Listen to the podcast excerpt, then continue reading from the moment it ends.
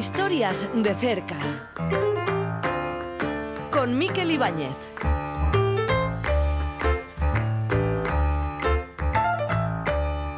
Hoy en Historias de cerca queremos hablar del problema que tienen los actores y las actrices para crear una obra o un espectáculo porque no cuentan con espacios para hacerlo.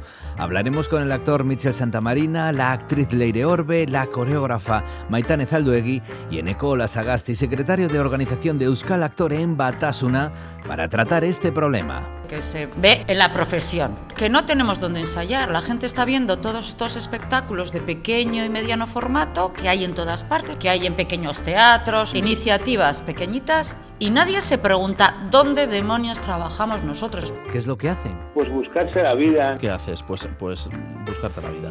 Sobre todo, ensayamos en casa, yo me he dado cuenta, pero luego llega un momento que dices, ostras, esto se me queda pequeño, y aquí no puedo seguir. Entonces necesitas un espacio donde ir a trabajar.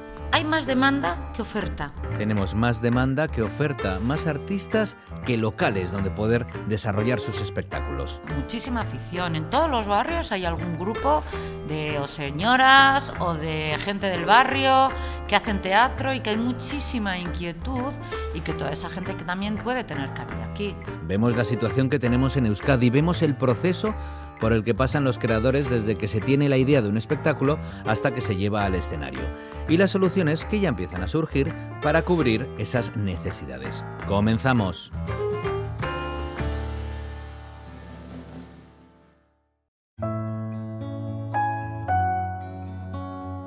Ante esta carencia que existe, Maitane Zalduegui ha creado ZART, un espacio preparado para atender las necesidades de una producción al completo y en todas las etapas del proyecto. Nos acercamos al propio local, ya estrenado, un local vacío que ahora ya está acondicionado para poder ensayar.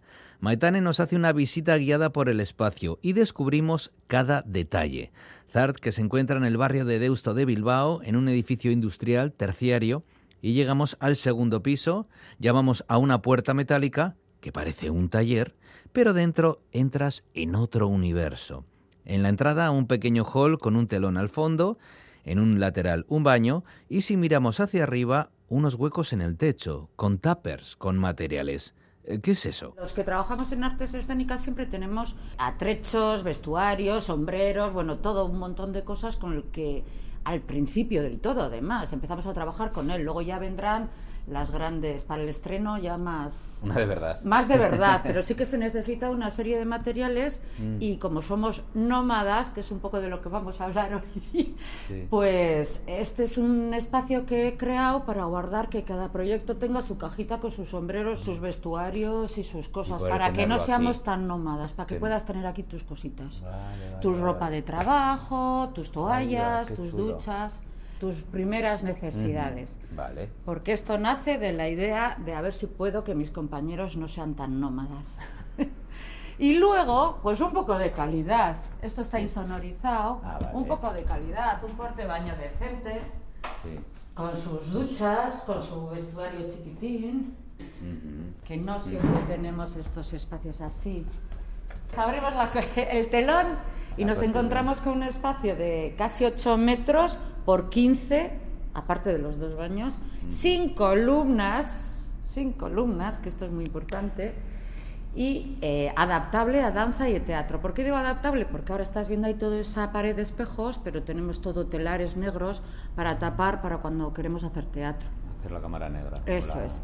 En la, para las eh, llaves para danza, por ejemplo, que usamos mucho el aire, o sea, que necesitamos eh, luz natural y todo eso, que nos viene muy bien hasta que vamos a escena, tenemos, eh, y para los teatreros también, para hacer teatro, unas planchas negras que van incrustadas a presión en la ventanal, que son negras y no, no oscuro total, oscuro total, Porque ahora mismo tenemos luz natural, bueno, ventanal es impresionante, claro. Ahora no hay sol, pero si hubiera sol sería una maravilla. Pues ese ventanal es como de esos siete metros y medio por tres. O sea, para bailar esto es un placer. Y el suelo, eso es que Y el suelo, el suelo, tiene tres capas, que por fin, por fin tenemos en, danza, normalmente nos ponen un linonio encima de lo que sea, y eso, eso, ya parece que es para bailarines. Mm. Entonces tenemos, mm, uno, mira, una de las cosas por la que he puesto esta sala es por eso, porque estoy destrozada, cuatro operaciones de pies y tal. Entonces llegamos a una edad y también los jóvenes, claro, con un montón de lesiones a cuenta del dichoso cemento con un linoleo encima, que parece que es, lo que es suficiente y no lo es. Tiene tres capas. La primera es de copopren de, de 6 centímetros, que se usa mucho para insonorizar tendréis en todos los sitios de radios y de grupos de música, pero a su vez recibe los impactos, es como una especie de esponja gigante así, muy dura, que tú cada vez que saltas o te, bueno, pues todo el trabajo de danza contemporánea de suelo, cuando recibes el peso de, los, de las manos, no estás sintiendo un cemento. Luego tiene un machimbrado de madera que también es eh, flexible y finalmente es una especie de parque o algo así con lámina muy larga que es un poco especial porque no te resbala y, te sujeta muy bien. Estuvieron aquí el festival, del Festival ACT que organiza BAI, estuvo un chico catalán y al cuarto de de estar en clase salió para decirme, oye, ¿qué suelo es este? Que has puesto, que noto cómo me amortigua, noto que está caliente, noto que se descalzó, o sea, que hacía tiempo que no podía descalzarse en una sala de ensayos, entonces estaba muy contento. Hemos trabajado en un montón de sitios con tanto frío y tanto que de tres horas que te dejan, la primera es para calentarte.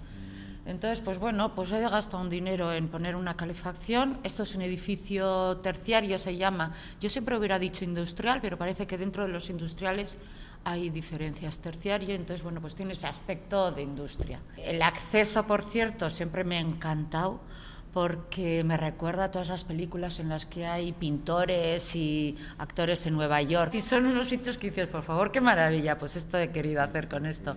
Es mágico. Y las vistas es a la ría. A San Mamés, a las 8 de la tarde, cuando estamos de ensayo, se ven las luces. Nos faltan los focos, he pedido dos diseños, pero es una inversión bastante potente, entonces yo creo que será una segunda etapa, pero enseguida, ¿eh? en cuanto empiece este, a moverse, vamos. Y aquí la idea es, bueno, te sigo enseñando esto, vale. Esto te enseño. Este hueco es una cocina, mm. una cocina de oficina, o sea, no va a haber fuegos, pero sí microondas. Porque a veces nos plimplamos seis horas o siete horas de trabajo, de concentración, de equipazo, de estar metidos y, de repente no tienes un don de comer una ensalada, unos espaguetis o un algo que, puedas un café, unas... Bueno, entonces de momento tengo la nevera y el café, que para las reuniones, para lo que estamos haciendo ahora, ya nos vale. lo que se usa en las oficinas, que es que tú puedes traerte la comida de casa y la puedes calentar. ¿Y aquí? Este es el otro baño ya con todas las cosas de ah, limpieza. Vale, vale, dos baños. ¿Ves cómo no? Con su ducha y todo, vamos. Lo como nos salvan a nosotros los, los... Los palés. Los palés, que nos hace todo. Los Ahí palés, palés palé, todo vale. Con ruedos. Estas hacen de, de, He pensado, y ese también, tengo varios, iré, iré haciendo... Hacen de patas. Ah, de patas para tener cajas. Seguramente nosotros en nuestros proyectos no necesitemos, pero bueno, si alguna vez hay algún taller de chavales, gente joven que quiere aprender, les gusta mucho lo del telón, las patas, mm. para tener un, un poco el protocolo, ¿no? De, tengo algún amigo que tiene un grupo amateur de chavales de 18, 19 años que está, me está preguntando para, para hacer aquí. Y entonces, bueno, eso de que haya telón, y patas, de dónde salgo, no sé qué. Bueno, pues lo aprendes, luego ya veremos. Y en la pared me gusta lo de las sillas. Sí, está muy bien. sí. Es nada, cuatro sillas en la pared para, bueno, para hacer una especie de mini público. Si alguna vez hay público, tiene que ser gente que vamos a pedir que nos haga feedbacks y así.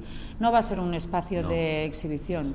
Pero sí, claro. Ah, bueno, pero en un equipo de dos actores puede haber dos de vestuario, tres de músicos y tal, no sé qué. Entonces siempre para juntarte con mesas, sillas, para trabajar si se necesita. Que es todo súper diáfano, Esto, columnas. Sí, sí. Y ahora mirar, está entrando el sol. Pero hay, eso es, para ser una sala de trabajo, de ensayo, es suficiente. Ya conocemos la propuesta, esa sala de ensayo que puede acoger a los artistas que no tienen dónde ensayar. Hablemos con los protagonistas de los problemas a los que se enfrentan. Entrevistamos a Leire Orbe, actriz, presentadora. Es posible que nos suene por el programa Y Punto en ETV2, pero vamos a hablar con ella de su faceta de empresaria. Leire, en 2016 con otros compañeros teatreros creasteis Arimactore. ¿Qué es Arimactore? Es una sala de teatro en, que está en Baracaldo que durante las semanas hacen algunos cursos y fines de semana es un, es un teatro, hacemos obras de teatro, entra, tenemos una capacidad para 50 personas más o menos, es mm. teatro de cerca, o sea, la gente ve a los actores muy, muy cerca. les huele. Sí, les huele prácticamente. A veces a algunos les parece incómodo, pero a la mayoría eh, les parece bastante interesante mm. la propuesta.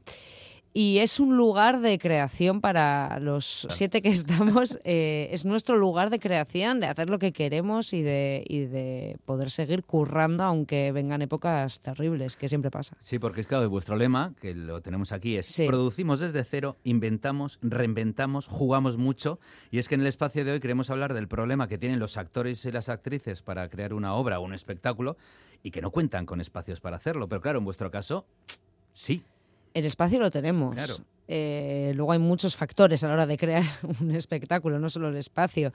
El espacio sí, porque claro, y nos da mucha tranquilidad. A mí nos ha pasado de muchas compañías que nos han contactado para poder venir a nuestro espacio y hemos abierto la puerta siempre a, mucha gente, ¿eh? de o sea, si nos llaman de queremos montar algo y luego, pues yo qué sé, les damos la opción de estrenarlo ahí, por ejemplo, o, no, o se les hace un alquiler, de, o sea, depende también de muchos factores. Pero sí es verdad que es un problema para muchas compañías. En Bilbao existen eh, salas que hemos hablado, mm. están los de Bilbao Escena, que esos existen y te puedes pedir salas. Y... Sí, digamos que en Bilbao se ofrecen los centros cívicos. Eso es. Los centros cívicos tienen, digamos, un, como un pequeño escenario eh, y, y, aparte de salas y locales... Eh, pues para hacer todo tipo de actividades, pues una de las cosas que se ofrecen es eh, poder ensayar obras de teatro. Y bueno, nuestro problema no es tanto el crear, o sea, crear, los creamos los espectáculos, los mm. producimos.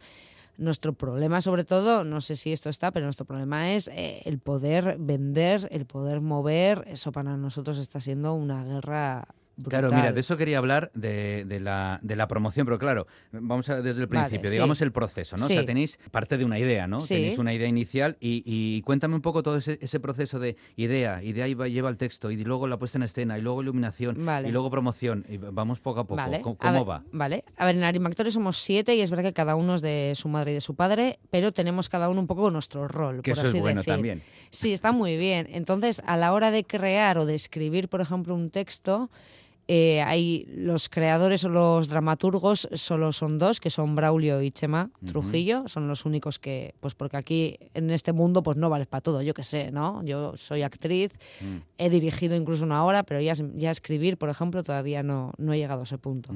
Y no sé si lo haré o no, o no me da la gana, mm. o yo qué sé. Pero bueno, entonces ellos dos serían los los que nos proponen, por así decir, la idea que han tenido o el texto que quieren hacer y trabajar eligen o elegimos entre todos el elenco un poco de los que vamos a participar. Eh, un casting interno, ¿no? Para este personaje le puede ir bien este o sí, el otro. en nuestro caso es más de, eh, a ver, lo queremos hacer en marzo, ¿quién puede? Pues es así, nosotros cuando trabajamos en nuestra sala no tenemos un sueldo como tal, entonces, eh, pues es más o menos, o sea, sí, que el perfil encaje, pero también la disponibilidad, porque cada uno hace sus cosas, yo qué sé, y tiene sus curros. es que me gusta ese punto, claro, eh, se da la idea, antes de escribir el texto, ¿ya se elige el elenco? ¿Sí? Sí, puede Digo, porque a la hora de escribir también, claro, también lo tienes es en más cuenta. fácil y se tiene en cuenta de que para qué va cada personaje. Hace poco nos pasó que hicimos un curro para una bodega en Gatica y mm. fue así. Era en plan de quién puede. Y pues ahí podía, estábamos como cuatro o cinco y Braulio escribió un texto para los cuatro o cinco. Y así lo hizo. No sé a él lo que le supuso, ¿eh? no tengo ni idea. Bueno, para, él igual, igual, para él. igual sí más, para él igual fue una tortura. Pero a ti, para ti, para interpretarlo, algo que han pensado Hombre, en ti. Hombre, claro, es facilísimo, porque te das cuenta que lo ha hecho para ti, sí, totalmente. Vale. Entonces... Y se pone a escribir. Y se pone a escribir. Vale. Entonces él escribe, eh, cuando tiene el texto nos manda el texto, y mm. yo soy la encargada normalmente dentro de, de Arimactore de hacer calendarios. Soy la que organiza un poco pues fechas, ensayos y todo esto. Entonces yo hago un calendario también en base, cada uno me manda su disponibilidad. Yo hago un calendario más o menos. Solemos hacer producciones muy locas porque el tiempo, la verdad que mm. es como siempre fatal, nunca coincidimos y es un mm. poco terrible. Entonces hago un calendario de unos ensayos y en ese calendario entre todos sí es verdad que hay, hay una labor que hacemos grupal que es tanto la escenografía, mm. Tema luces, por ejemplo, está Sole, dentro de los siete que estamos, que es eh, controla de iluminación y ella se encarga un poco más de eso.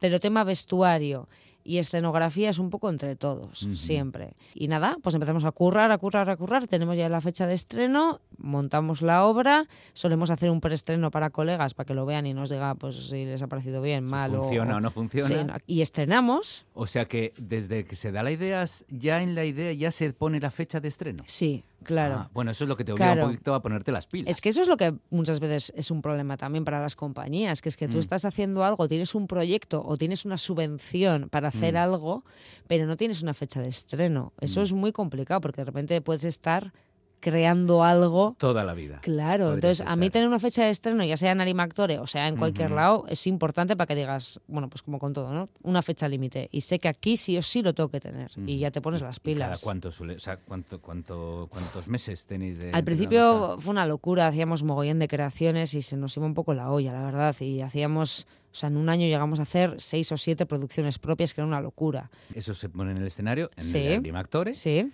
Y luego el problema que tenemos, sale fuera, es lo que decíamos, la promoción. A mí eso me parece lo más complicado. Nosotros, mm. para nosotros ha sido, llevamos ya pues seis años en la sala y alguna vez hemos hecho algún bolo fuera, mm. pero súper contados y es una mierda, lo siento, lo voy a decir así, pero es verdad. Y, y el problema aquí que nos pasa a nosotros y que nos encontramos siempre con un muro es que aunque parezca a mí me parece increíble porque ya llevamos muchos años, es que no nos conocen. Entonces tú en un teatro, tú llamas a cualquier teatro, a nivel de mm. Euskadi te hablo, siendo animactore, no saben quién eres, y no te van a programar. Esto es una realidad. Entonces, pues a las compañías, pues que ya tienen su. O sea, hay compañías que sin estrenar tienen 10 bolos cerrados. 10 y 50. Claro, pues esas compañías, esas ya, ya está, ya existen, tienen su nombre y fenomenal.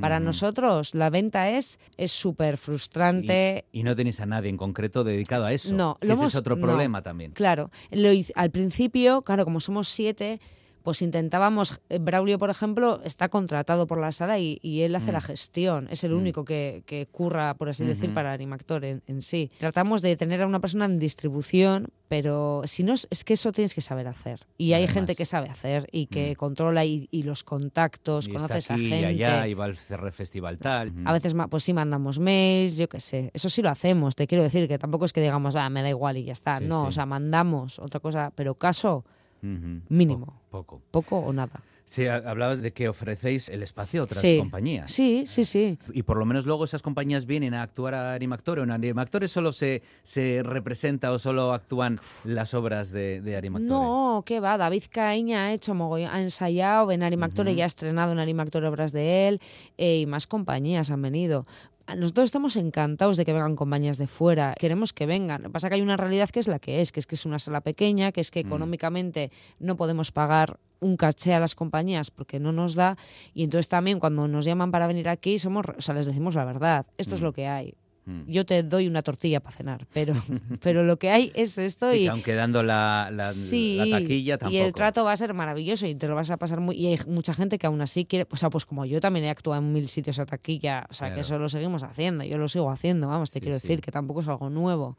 O sea, compañías de fuera vienen y pueden ensayar y eso está y eso está ahí el espacio existe y está para que se use vamos siempre que quieran sí sí lo decís en la web también que si tienes una idea, aunque no sepas muy bien qué o cómo se puede hacer, contacta con nosotros que nos lo inventamos. ¿Qué otras cosas ofrecéis? Pues nos ha pasado de, por ejemplo, ahora está Braulio trabajando con Salah y otro chico que tenían una idea y mm. nos hablaron, a Braulio le pareció interesante y Braulio les está ayudando a escribirlo, a mm. montarlo y todo. Mm. Entonces, esa opción, hombre, no te digo que aquí venga, que de repente empiezan a venir 500 personas de, tengo una idea para... No, tampoco es eso, pero si alguien tiene una idea de algo, podemos echar un cable también. Pero aparte de eso, cursos, porque por ejemplo ahora habéis tenido cursos de doblaje sí, hemos hecho un monográfico. también de teatro. de teatro, sí. Es verdad que el teatro al principio dábamos un montón, luego nos ha pasado que los grupos han ido, han caído bastante, sí, mm. y tal. No hemos tenido mucho éxito en el teatro, mm. aunque parece increíble, pero es así. Hay un curso de danza que se funciona siempre, que lo da una otra mujer. Mm. Y sí, hicimos un monográfico de doblaje y también es un espacio abierto para eso. Por ejemplo, en su día también, cuando empezamos, pues vino eh, gente a dar un curso de impro. O sea, también ofrecemos nuestro espacio para alguien que quiera dar un curso de algo lo planteamos ahí, que tiene curso, adelante. O sea, esa opción existe también. Pues mira, hablabas el principio de, eso, del teatro de pequeño formato, el teatro en vivo. Eh, ¿Esto tiene futuro? Bueno, tiene presente el, el, Claro, es que yo pienso un poco en la tecnología, en el estar encerrados, en el, en el cada uno en su individualismo, pero el, el ir a una sala y vivirlo así de cerca. El, el, teatro, no en un gran teatro que sabes que tienes a la estrella ahí arriba en el escenario, pero no, aquí no, es que estás codo con codo en, ese pequeño formato? Pues a mí me parece maravilloso, la verdad. Y a mí me está pasando que estoy tan acostumbrada a estar en Animactor y ver las cosas tan de cerca, mm. que hace poco he estado en el Teatro Arriaga, por ejemplo, viéndolo mm. de lejos y se me hace todo gigantesco. Sí, y reconozco que la gente que viene a la sala por primera vez, hay mucha gente que viene que me hace mucha gracia, que creen que van al Teatro Baracaldo. Y de repente ah. llegan allí y dicen, pero esto ¿esto qué? ¿Esta lonja? ¿Esto qué es? digo, bueno, no es una sala. Y la gente que entra sale encantada de la mm. vida. Porque yo, porque soy actriz y sé lo que es esto, pero gente que no, que no va tanto al teatro o que no, mm. yo qué sé, no, pues que ha ido al Teatro Baracaldo, a la Riaga y poco más, mm. les parece una experiencia de la leche. Y no solo por el cerca de los actores, sino porque luego pues tienes un ambiguo fuera, yo qué sé, estás ahí hablando con uno, luego salen los actores seguido de acabar y puedes hablar con ellos también. Entonces, el feedback es diferente y para mí es una experiencia. O sea, para mí lo que sucede en Animactor desde que entras hasta que sales es como una experiencia en, sí. Y bueno, ¿qué planes tiene para el futuro Animactore? Pues bueno, eso, en este año 2023 estrenaremos antes del verano la, mm. una nueva producción y seguir adelante. De momento las hemos pasado más canutas que ahora y hemos sobrevivido. Igual, tenemos que... hablar de eso. Claro, igual igual ha pasado un virus o no sé qué ha pasado. aquello para nosotros fue terrible. Claro, porque ya piensas en eso, en, esos aforos de a la mitad, pero claro, la mitad de la mitad de la mitad. No, nuestro eran 20 personas. Claro. Y nos pasaba que, claro, el espacio no es muy grande, entonces mm. podíamos meter 20, pero es verdad que la sensación, y mucha gente se iba, porque mm. la sensación era de, yo qué sé, pues no era 20 en un, en un espacio muy amplio, claro, entonces pues bueno, para nosotros fue terrible. O sea, de hecho, muchos creíamos que no íbamos a volver a, subir la persiana. Pero sí, hemos conseguido continuar. No sé ni cómo, mm. ¿eh? pero sí. Dinos dónde estáis eh, y cómo seguiros en redes sociales y esas cosas, para pues que un poquito la gente pendiente de vosotros. Pues estamos en Baracaldo, en la calle Castilla-La Mancha número 9, que es el barrio de Ronte de Baracaldo, muy cerquita del metro, cerca del tren también. Esto lo digo. Incluso el Teatro Baracaldo. También. Es que a la gente le da como pereza ir, pero en serio que no se tarda nada en llegar. Eh, tenemos página web, que es animactore.com, donde está toda la programación y pues que nos sigan en todas las redes, en las cosas, en todo.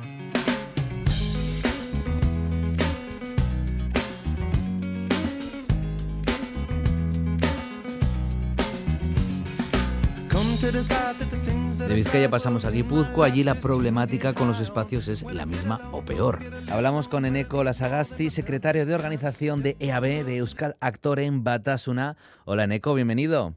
Hola, buenos días. Muy buenas. En ECO, que va a acercarnos la realidad que se está viviendo en Guipúzcoa. Los actores y actrices guipuzcoanos que no pertenecen a una gran compañía, que están creando espectáculos de pequeño formato, pues, ¿qué es lo que hacen? ¿Cuál es el proceso?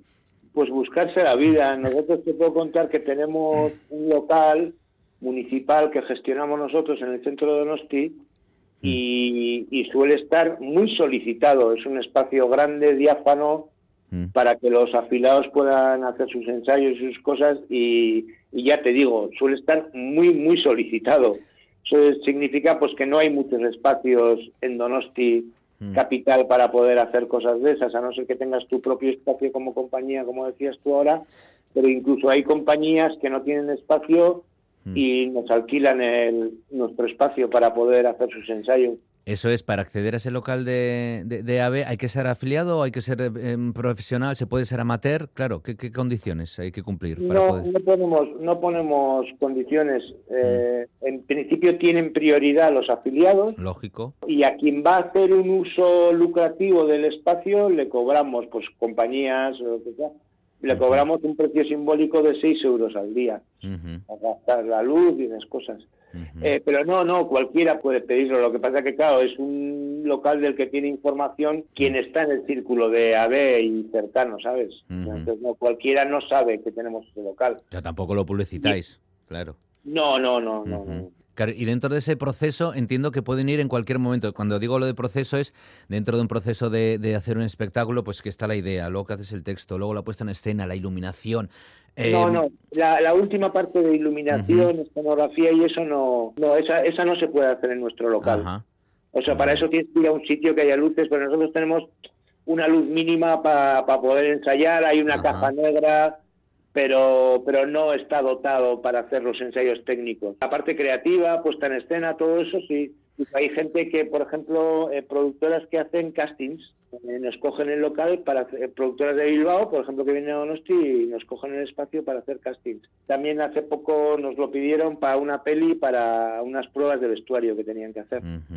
¿Y sabes si las instituciones ofrecen facilidades para poder ensayar? Si, si los ayuntamientos, los consistorios están ofreciendo locales? Yo, creo que no. En Donosti, que yo sepa, no, desde luego. No, no hay opciones. ¿Y sabes si hay diferencias entre Donosti, entre Donosti la capital y, los pueblos? ¿Hay ¿Tienen más facilidades, más posibilidades? A ver, eh, me aventuro a decir que, sí, porque siempre las relaciones entre ayuntamientos y grupos son más cercanas. Igual los pueblos en ese sentido tienen más dotación o tienen su, sala. Eh, sala fija, ¿no? Mm. Sí, que me imagino que si no está programada se podrá usar para otras cosas. En Donostia, sobre todo, habrá más demanda que oferta. Habrá más grupos que necesitan locales que, propios locales, claro. Pues es difícil de saber, porque claro, yo te puedo decir de la gente que accede a nosotros, pero del resto la verdad que no, sé mucho, o sea, no, no sé hasta qué punto la gente se ensaya en el salón de su casa o no, ¿sabes? Claro, que es que al final parece que es eso, que, que, que el local de ensayo se convierte en el salón de casa de uno o de otro, porque al final, pues eso, los actores y actrices se convierten casi en nómadas de tener que ir moviendo el material, pues los trajes, yo qué sé, las pelucas, el, ir moviéndose de un local a otro para intentar buscar ese espacio donde desarrollar el espectáculo. Sí, sí, eso es. ¿Y alguna iniciativa así en Guipúzcoa eh, privada que ofrezca locales o tampoco? Alguien que a nivel personal pues haya visto esa carencia que hay real y decir, pues voy a montar yo un sitio para que puedan venir los grupos. Depende de qué fase de la producción, pues eh, mm. tienes unas necesidades u otras. Al principio mm. tienes menos, pero luego, una vez que tienes que hacer esta parte, la parte técnica, los ensayos técnicos, tradicionalmente hay unos sitios, pues eh, en Urnieta y ahora eh, Lecuona en Rentería, en el que eh, puedes coger el alquilar el espacio por una semana para hacer la parte técnica. Que en Sarobe lo hacen a cambio de que también hagas una representación allí. En, en Lecuno en Rentería no sé cómo será, pero pero ese tipo de espacios, ese tipo de, de oferta, digamos, para poder significar los espectáculos, aquí cerca hay son esos espacios donde se hacen. Aunque sea pagando... Aunque sea... Prácticamente todo el mundo pasa por ahí, ¿eh? Por un sitio o por el otro, la gente de la zona de Donosti, o Rentería o Urnieta, al final son quienes acogen. Eso es que aunque sea pagando, aunque sea en, ofreciendo una actuación posterior, pues por lo menos existe la posibilidad, claro. Eso es, sí.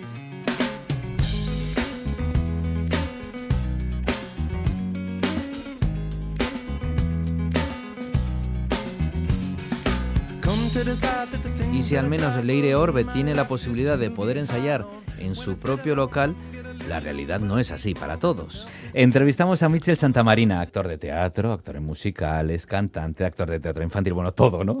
todo. Y como lo hace todo, pues también escribe y crea. Es creador e intérprete de la obra Gordo, Vasco y Maricón, que después hablaremos de ese espectáculo. Hola Michel, bienvenido. Hola, ¿qué tal? muy buenas. Lo primero quería hablar contigo, de ¿cuál es el proceso que tienes para crear una obra partiendo desde la idea? Es decir, el proceso, ¿no? Pues de, la idea me voy al texto, del texto a la puesta en escena, espera, luego tiro de la iluminación, no, aquí necesito ¿Cómo va ese, proceso? Según las circunstancias. Porque, por ejemplo, yo para, para esta obra que, que, iba a hacer eh, de Gordo Vasco Maricón, que al final ahora la he parado otra vez más, no, no por pandemia, sino por otra serie de razones, eh, como es algo muy personal, una cosa muy mía, pues todo nació de un encargo en realidad de, oye, ¿quieres hacer algo eh, aquí en este formato tal? Y venga, pues ¿por qué no? Y como la imaginación a veces vería por su ausencia, dije, uy, pues voy a hacer algo que me quede cercano a mí, entonces ¿qué hago? Mi vida, qué bien, qué fácil. Error. porque fácil, de fácil no tiene nada.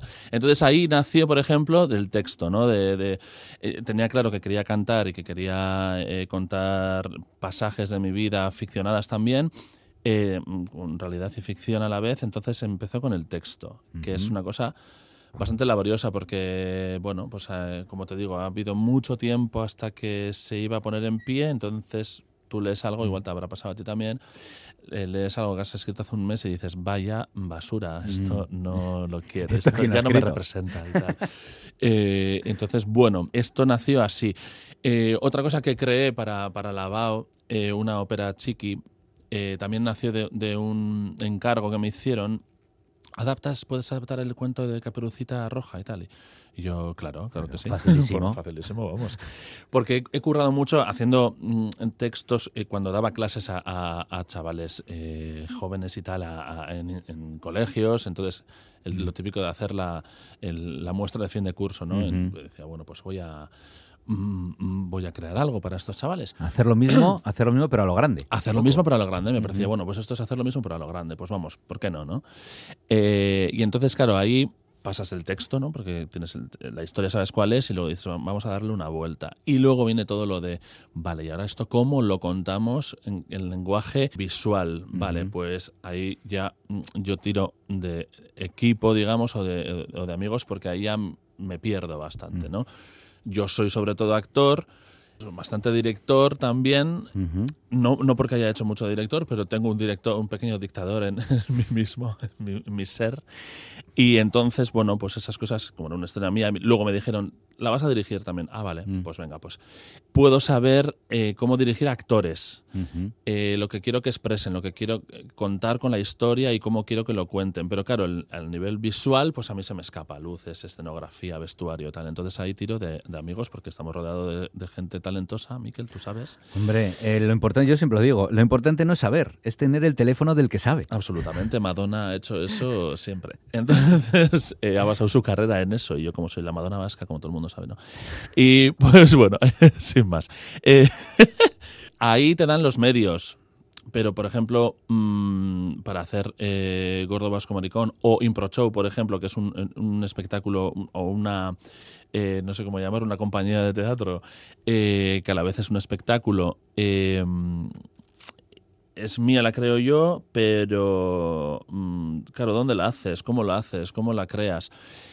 Es un tema, porque ah, nace desde tu casa siempre, porque tú estás ahí en casa. Eso es, porque no tienes un teatro, no tienes un local de ensayo. ¿Qué haces? Claro, ¿qué haces? ¿Qué haces? Pues, pues buscarte la vida. Buscarte la vida, eh, tirar de teléfono de, y, preguntarte, vale, no soy una compañía como tal, con ImproShow sí que eh, somos compañía porque al final tenemos que serlo, pero no, no una grande, ni mucho menos, ni sabemos mm. cómo funciona esto de una compañía y tal. Entonces dices, vale, ahora tengo que ser una compañía, vamos a jugar a que soy una compañía. ¿Cómo empezamos? ¿Dónde ensayamos? En el salón de mi casa. Vale, para empezar está bien, pero luego llega un momento que dices, ostras, esto se me queda pequeño, yo aquí no puedo seguir porque mm, mm, por lo que sea, por los metros cuadrados, por, por los vecinos, por... Y entonces, pues en mi caso tengo amigos que tienen salas, tiras de ellos. Eh, también, eh, bueno, pues eh, puedes llamar a Bilbo Escena y que te dejen una sala de vez en cuando, pero dicen, ah, ya, pero tienes que ser compañía ya, pero yo soy compañía en teoría, pero no en práctica. Mm. entonces, vale, tenemos que tener una asociación. Yo no tengo. ¿Quién tiene este? Vale, mm, Leire, mm. ¿me puedes reservar la sala tal? Vale, entonces pues así, pero también es bastante engorroso, porque a veces te dan una sala que tiene una mesa gigante en el medio con unas sillas y dices, vale, aquí pues eh, casi no puedo ni mover la mesa esta para poder hacer espacio. Mm. Y a veces te dan un, salón de actos y eso mm. dices, ah, qué bien. Eh, pero es un poco lotería.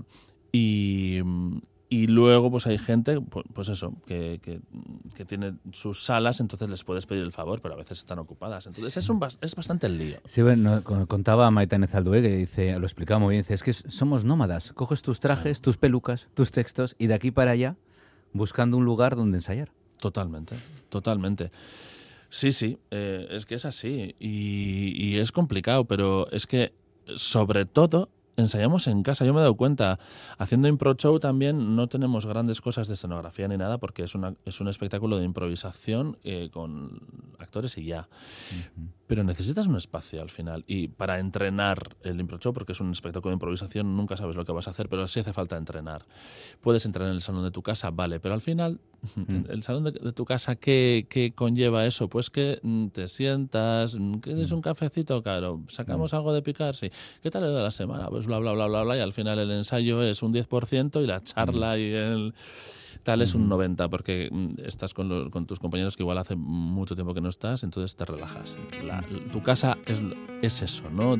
Te puede pasar eso mucho. Entonces necesitas un espacio donde ir a trabajar.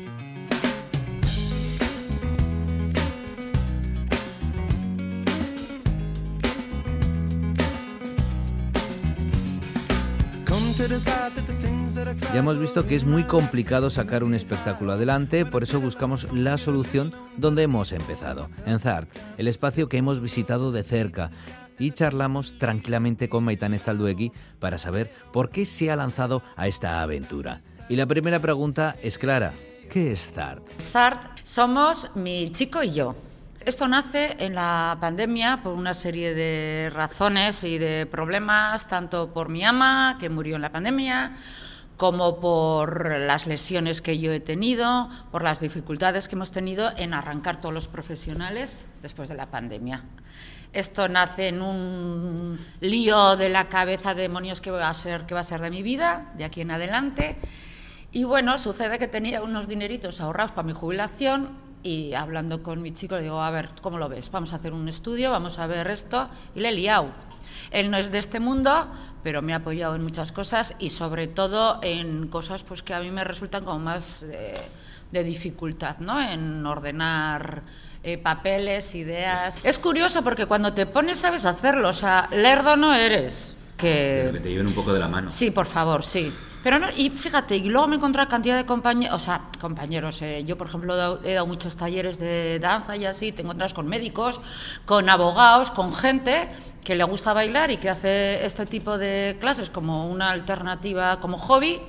Y dicen lo mismo, que ellos también para sus proyectos les cuesta mucho también escribir, que también piden que se los hagan. Entonces naces con el complejo, o sea, estás siempre con el complejo de, de, que como eres artista no sabes escribir esas propuestas. O que tienes que saber de todo. O que tienes que saber de todo. Ah, bueno, esto, esto sí, de, de puertas de teatro para adentro sabemos de todo. Coser, planchar, diseñar, todo, todo, todo. Eso sí, pero el papeleo es, es dificilísimo. ¿Queréis este espacio? Porque hay una necesidad real, claro. ¿Qué es lo que pasa? Sí, yo llevo unos años haciendo con un montón de, unos cuantos proyectitos personales, de inquietudes mías y compañeros que ves. O sea, no solamente es lo que yo he sufrido, sino lo que yo veo que, que se ve en la profesión. Que no tenemos donde ensayar. La gente está viendo todos estos espectáculos de pequeño y mediano formato que hay en todas partes, que hay en pequeños teatros, iniciativas pequeñitas y nadie se pregunta dónde demonios trabajamos nosotros, porque para que tú veas esa función, nosotros hemos trabajado entre dos y tres meses. ¿Cuál es el proceso? Vale, por ejemplo, yo tengo una idea,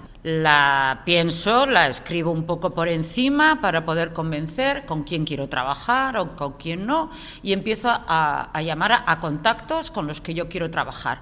Hago un feedback para ver cómo les suena, a ver si les parece que sea viable y empezamos ya a darle vueltas. Todo esto es un proceso, por ejemplo, ya de reuniones. Son unas reuniones que en vez de estar en un sitio adecuado con unos ordenadores, el coworking se hace en el salón de mi casa es lo que suele pasar. Y esto ya nos lleva 20 días, un mes, eh, porque a veces no es solo una idea, estás con tres a la vez, con cuatro, y estás moviéndolos. El siguiente paso sería eh, escribir unos proyectos para unas ayudas y también empiezas a hablar con productoras o distribuidoras para ver si les puede interesar tu proyecto o no les puede interesar tu proyecto, porque hay veces que hacemos cosas y son solo para una función o para cuatro o para lo que sea.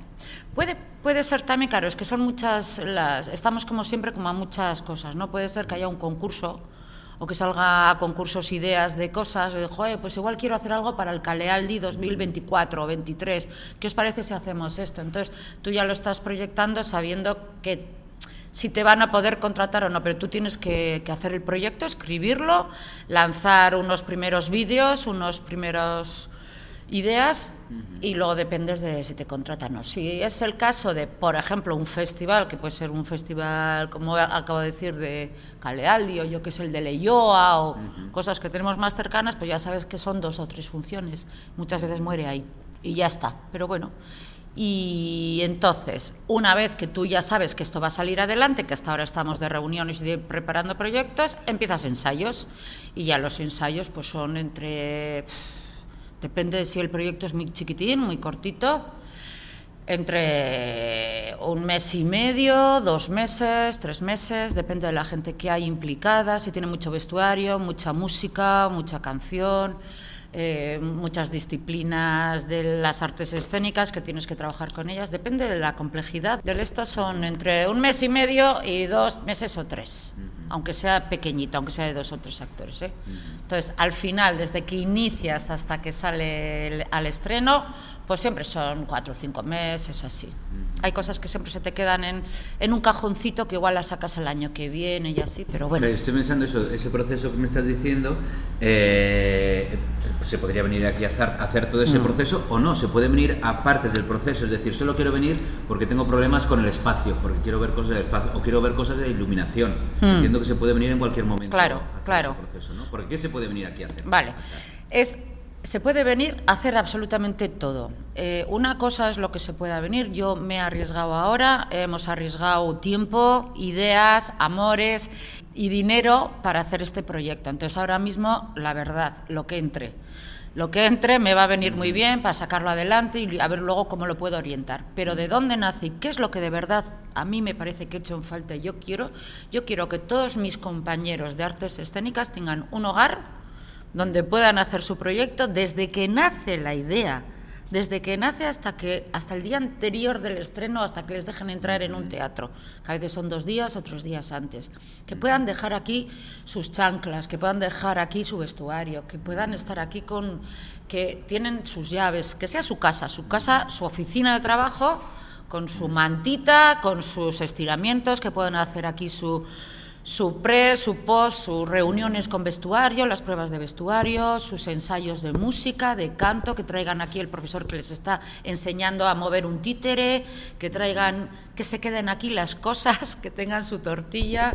Sí, porque está el sitio acondicionado para cualquier tipo de proyecto, pero es eso, no es un sitio de exhibición. No, no, no.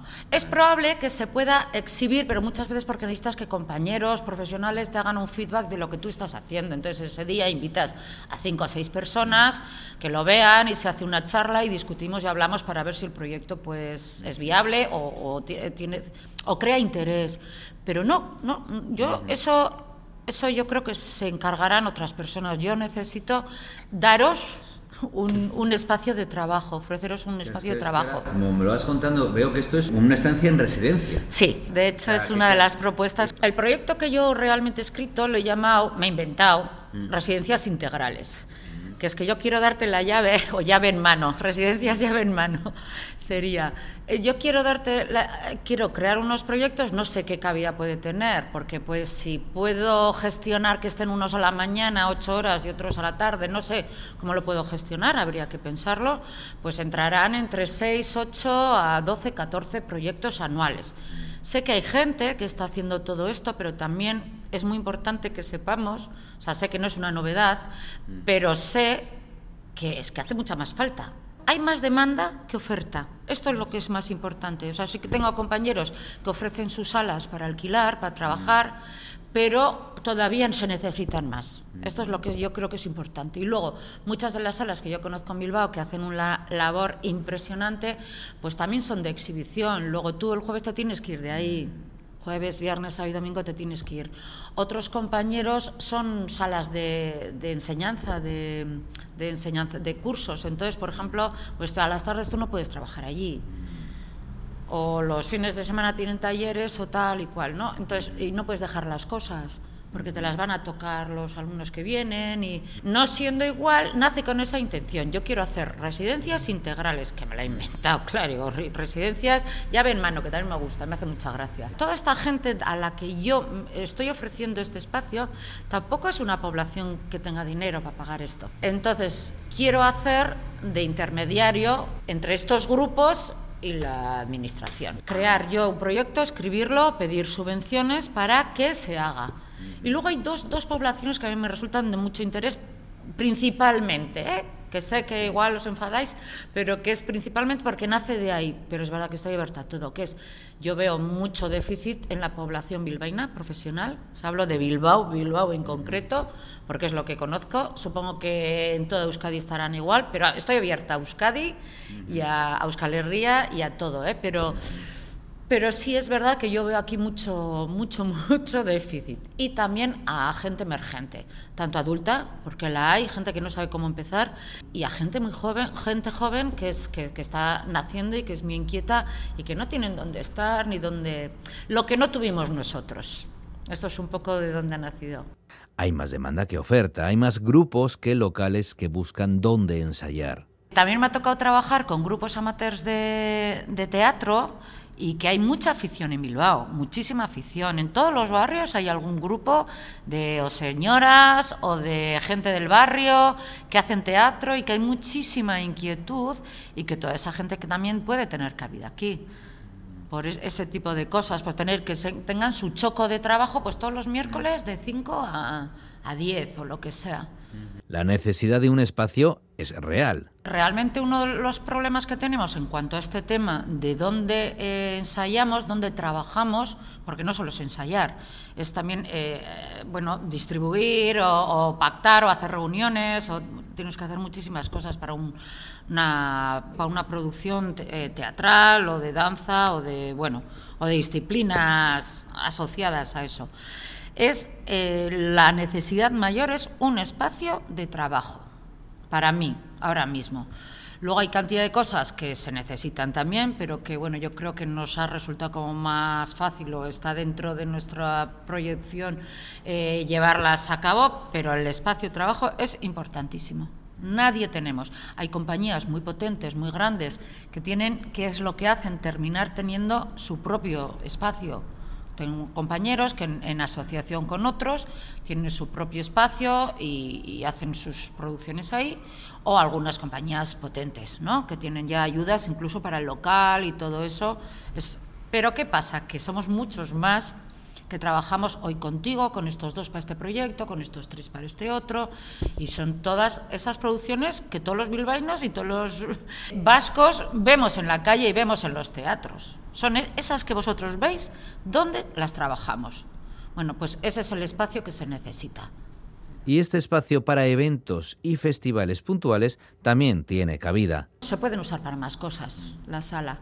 Eh, yo, en Bilbao hay un, hay varios festivales muy interesantes y hay eh, mucha inquietud. Tú imaginas, esto se ha hecho siempre, pero no siempre hay salas adecuadas. Pues, por ejemplo, yo que se vienen al campus, eh, bueno, ayer estuvimos viendo en el campus un musical en el que hay un cantante o un o un actor que me gustó muchísimo y que sé que va a venir. Joder, pues organizas un taller de esa persona que hace una técnica en, de, de, canto contemporáneo, de no sé qué, pues aquí tienes, tienes un sitio que se pueden organizar, que se puede dar cabida, como he dicho, en el festival, los festivales BAD, no sé qué. Todos estos festivales muchas veces necesitan salas adecuadas eh, de apoyo, pues porque vienen veintitantos, eh, veintitantas compañías y tienen media hora para ensayar en el teatro de una, de pasar de una a otra, no sé qué y tal. Pero claro, llevan dos días en Bilbao. Pues bueno, pues es una sala en la que pueden estar ensayando, haciendo últimos cambios. Estaba hablando con, con Alicia Chandategui que lleva lo del BAT y tal, y le, ha gustado la idea. Bueno, cómo se puede formalizar o si se puede o no se puede, está, todavía no sabemos nada, ¿no? Pero bueno, le pareció que sí que es verdad que hace falta. Y eso está guay. Zart, un espacio muy bien ubicado dentro del llamado Distrito del Arte en Bilbao. Bueno, pues eh, sí, una de las cosas es que nos gustó también cuando cogimos el local es que está en el distrito que se llama el Distrito del Arte pues eso, que entre las iniciativas que están en marcha eh, se empieza a conocer como la isla creativa de Bilbao. Y tenemos eh, Bilbao As Fabric de Mondragón Universitatia, el Centro Superior de Enseñanzas Artísticas Junchal, que me resulta dificilísimo decir. Están, por ejemplo, de As Fabric de Mondragón Universitatia. Luego están los de SWAP, está el Instituto Digipen, que son los de los, los de los videojuegos. Está la terminal acería, que también está, bueno, esa swap, eh, está la, fábrica de, industria escultural y creativa, la Artes Escénicas Pabellón 6, que dentro tiene la, la, compañía joven. A este lado está la fundición, que hace un trabajo también estupendo. Y ahora estamos nosotros, que a ver si, como somos pequeñitos, pero a ver si nos dejan un hueco. este sitio es como especial para estas cosas, es, es muy bonito. Sí. No hay tiempo para más, hemos descubierto que hay necesidades, que hay carencias, pero también soluciones a nivel público y a nivel privado para que los artistas vascos puedan desarrollar su arte. Esas producciones que todos los bilbaínos y todos los vascos vemos en la calle y vemos en los teatros. Son e-, esas que vosotros veis donde las trabajamos. Bueno, pues ese es el espacio que se necesita. Nos despedimos hasta el próximo programa. Agur. Come to decide that the things that I tried were in my life just to get high on. When I sit alone, come get a little known, but I need more than myself this time. Step from the road to the sea to the sky, and I do believe that we rely on. When I lay it on, come get to play it on, all my life to sacrifice. Hey, oh, listen what I say. Oh, I got your hey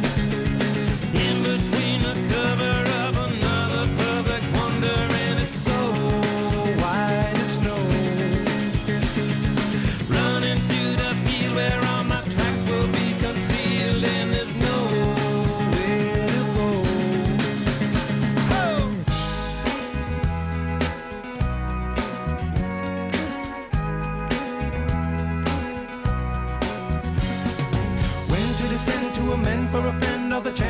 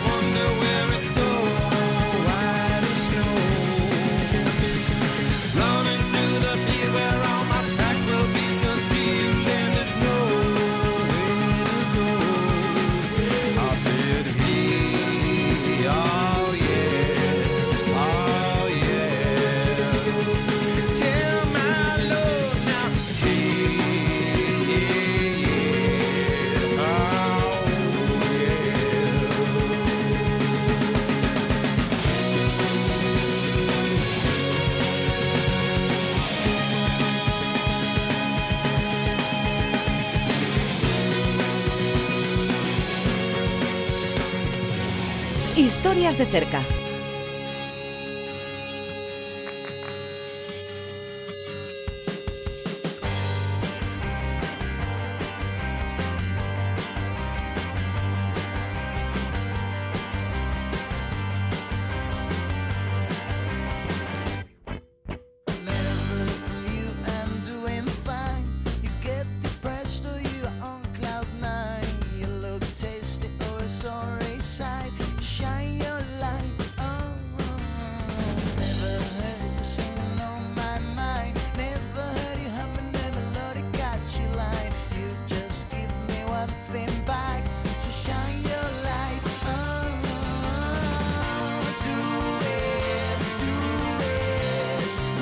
yourself in my plan.